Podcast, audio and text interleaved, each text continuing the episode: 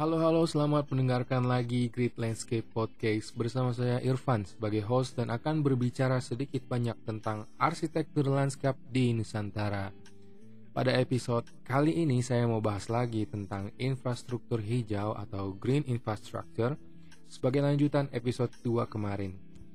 Jadi kenapa infrastruktur hijau ini bisa jadi kartu as nya arsitek lanskap karena ujungnya dari infrastruktur hijau atau green infrastructure tuh pasti meningkatkan kualitas lingkungan. Paling banter ya memulihkan lah atau memperbaiki.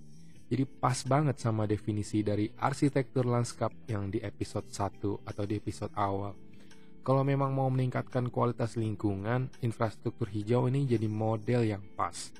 Gampangnya gini, kita ibaratkan saja menampung air ini sama dengan menabung uang untuk hari tua. Kalau sekarang ibaratnya tuh investasi reksadana lah. Model-model infrastruktur hijau itu ibarat saham, obligasi, atau tempat-tempat menginvest intinya. Nah, jadi menurut Om Grid nih, semakin bagus porto sahamnya, semakin tinggi investasinya ya nggak? Alias semakin bagus model desain lanskap infrastruktur hijaunya, semakin bagus penampung airnya gitu. Nah, nah betul, kurang lebih ya begitulah. Oh, kak, betul, nah, kan ada tuh juga model desain taman yang bilangnya desainnya infrastruktur hijau. Padahal mah bukan tuh cuma mirip-mirip aja, itu ibarat aplikasi Ponzi macam Bini Mono gitu kan ya? Ah, kurang lebih begitu kawan. Makanya desain infrastruktur hijaunya tuh baiknya digarap sama arsitek lanskap karena bakal jadi spesial kalau desainnya bener. Nah, kita lanjut ya. Kita langsung aja bahas model-model menabung airnya infrastruktur hijau yang variatif. Kita bahas satu-satu. Yang pertama ada namanya rain garden atau taman hujan Tamannya nggak gede, cenderung skala perumahan, ada cekungannya yang bertujuan untuk mengumpulkan air dari atap, dari jalan, dan dari trotoar. Jadi letak penempatannya tuh di lanskap jalan biasanya, atau lanskap neighborhood, atau ketanggaan semacam komplek perumahan gitu juga bisa. Nah kalau kita bongkar untuk melihat taman hujan lebih dalam lagi, ternyata nggak cekungan aja tuh, nanti kita bisa lihat layer-layer di dalamnya yang memang ngebantu banget buat mengumpulkan air dan memperlambat limpasan air. Kayaknya agak dalam, gak mungkin cuma 30 cm asal semak bisa tumbuh. Mungkin kurang dari 1 meter atau 1 meter. Ada juga bioswale nih yang nomor 2. Ini biasanya di deket-deket tempat parkir. Jadi area desainnya tuh lebih ke panjang bukan ke uh, luas. Mirip sungai lokasinya juga ada di sekitar trotoar. Enaknya diletakkan tuh di kayak jalan tol gitu. Nah ada cekungannya juga terus banyak vegetasi banyak mulsa biar memperlambat air yang lewat di trotoar kalau hujan deras. Yang ketiga ada namanya constructed wetland atau rawa yang terkonstruksi dengan baik. Ini skalanya cukup besar nih. Biasanya didesain di sekitar badan-badan air yang pasang surut airnya fluktuatif. Kalau lagi musim hujan Constructed wetland biasanya terendam 1-2 meter. Yang seru nih dari constructed wetland adalah nggak cuma nampung air aja, tapi juga bisa mensterilkan limbah. Tapi, tapi limbahnya ini limbah abu-abu ya, bukan limbah hitam. Biasanya kalau instalasi treatment limbah seperti WTP atau WWTP itu ada residu yang keluar dari sana, dari instalasinya.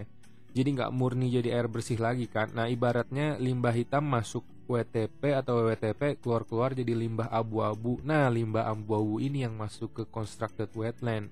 Jadi pas airnya keluar ke sungai dari constructed wetland udah bersih. Itu karena di constructed wetland emang pakai tanaman-tanaman yang menyerap zat-zat logam berat.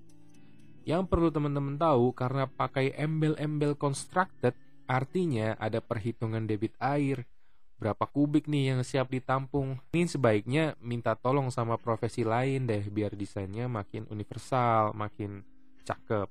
Oh jadi nggak asal bikin ya Soalnya kan wetland ini kan juga lumayan booming tuh di kalangan pejabat ya Omongan wetland tuh sejajar lah sama metaverse 4.0 Wetland itu sekarang kalau saya lihat ya itu udah bisa gegantiin biopori iya sih kalau ya kalau asal bikin malah bikin rawa dong jadinya. Coba bayangin area lahan aslinya bukan rawa, tapi dipaksa minta dibikin wetland atau rawa, kan malah jauh dari memperbaiki lingkungan gak sih? kan jatuhnya konversi lahan gitu tahu-tahu dibuat rawa sebenarnya semua infrastruktur hijau itu dihitung sih debit airnya mulai dari rain garden biosphere dan lainnya ini kalau dilihat-lihat kan bermanfaat banget tuh ya infrastruktur hijau untuk mencegah banjir. Mana konsepnya konsep lama juga kan tahun 80 kemarin bilangnya kan. Kok eh kurang kurang diminati ya? Ya pertama uh, mungkin gara-gara konsep 80-an kemudian ya ya soalnya harganya hampir sama dengan bikin taman biasa atau cenderung nggak murah. Terus perencanaannya tuh harus berhubungan satu sama lain. Misal kalau bikin rain garden atau taman hujan tuh kita harus bikin yang banyak jadi ujung-ujungnya mahal. Maksudnya walaupun kecil-kecil tuh perencanaannya skala makro juga. Kan dari awal kita sepertinya sepakat kalau ini adalah investasi. Masa negara nggak mau berinvestasi lingkungan yang sehat ya nggak? Nggak mungkin kan? Bahkan pemilihan lokasi ibu kota baru itu udah kayak mau kena uh, ibaratnya mau kena gempa atau kena banjir ternyata yang dipilih kan kena banjir kan atas nama investasi yakin deh ke depan negara ini mau melakukan pendekatan infrastruktur hijau makanya dari sekarang saatnya arsitek-arsitek lanskap belajar membuat infrastruktur hijau yuk Terima kasih sudah mendengarkan podcast ini. Sampai jumpa di podcast selanjutnya.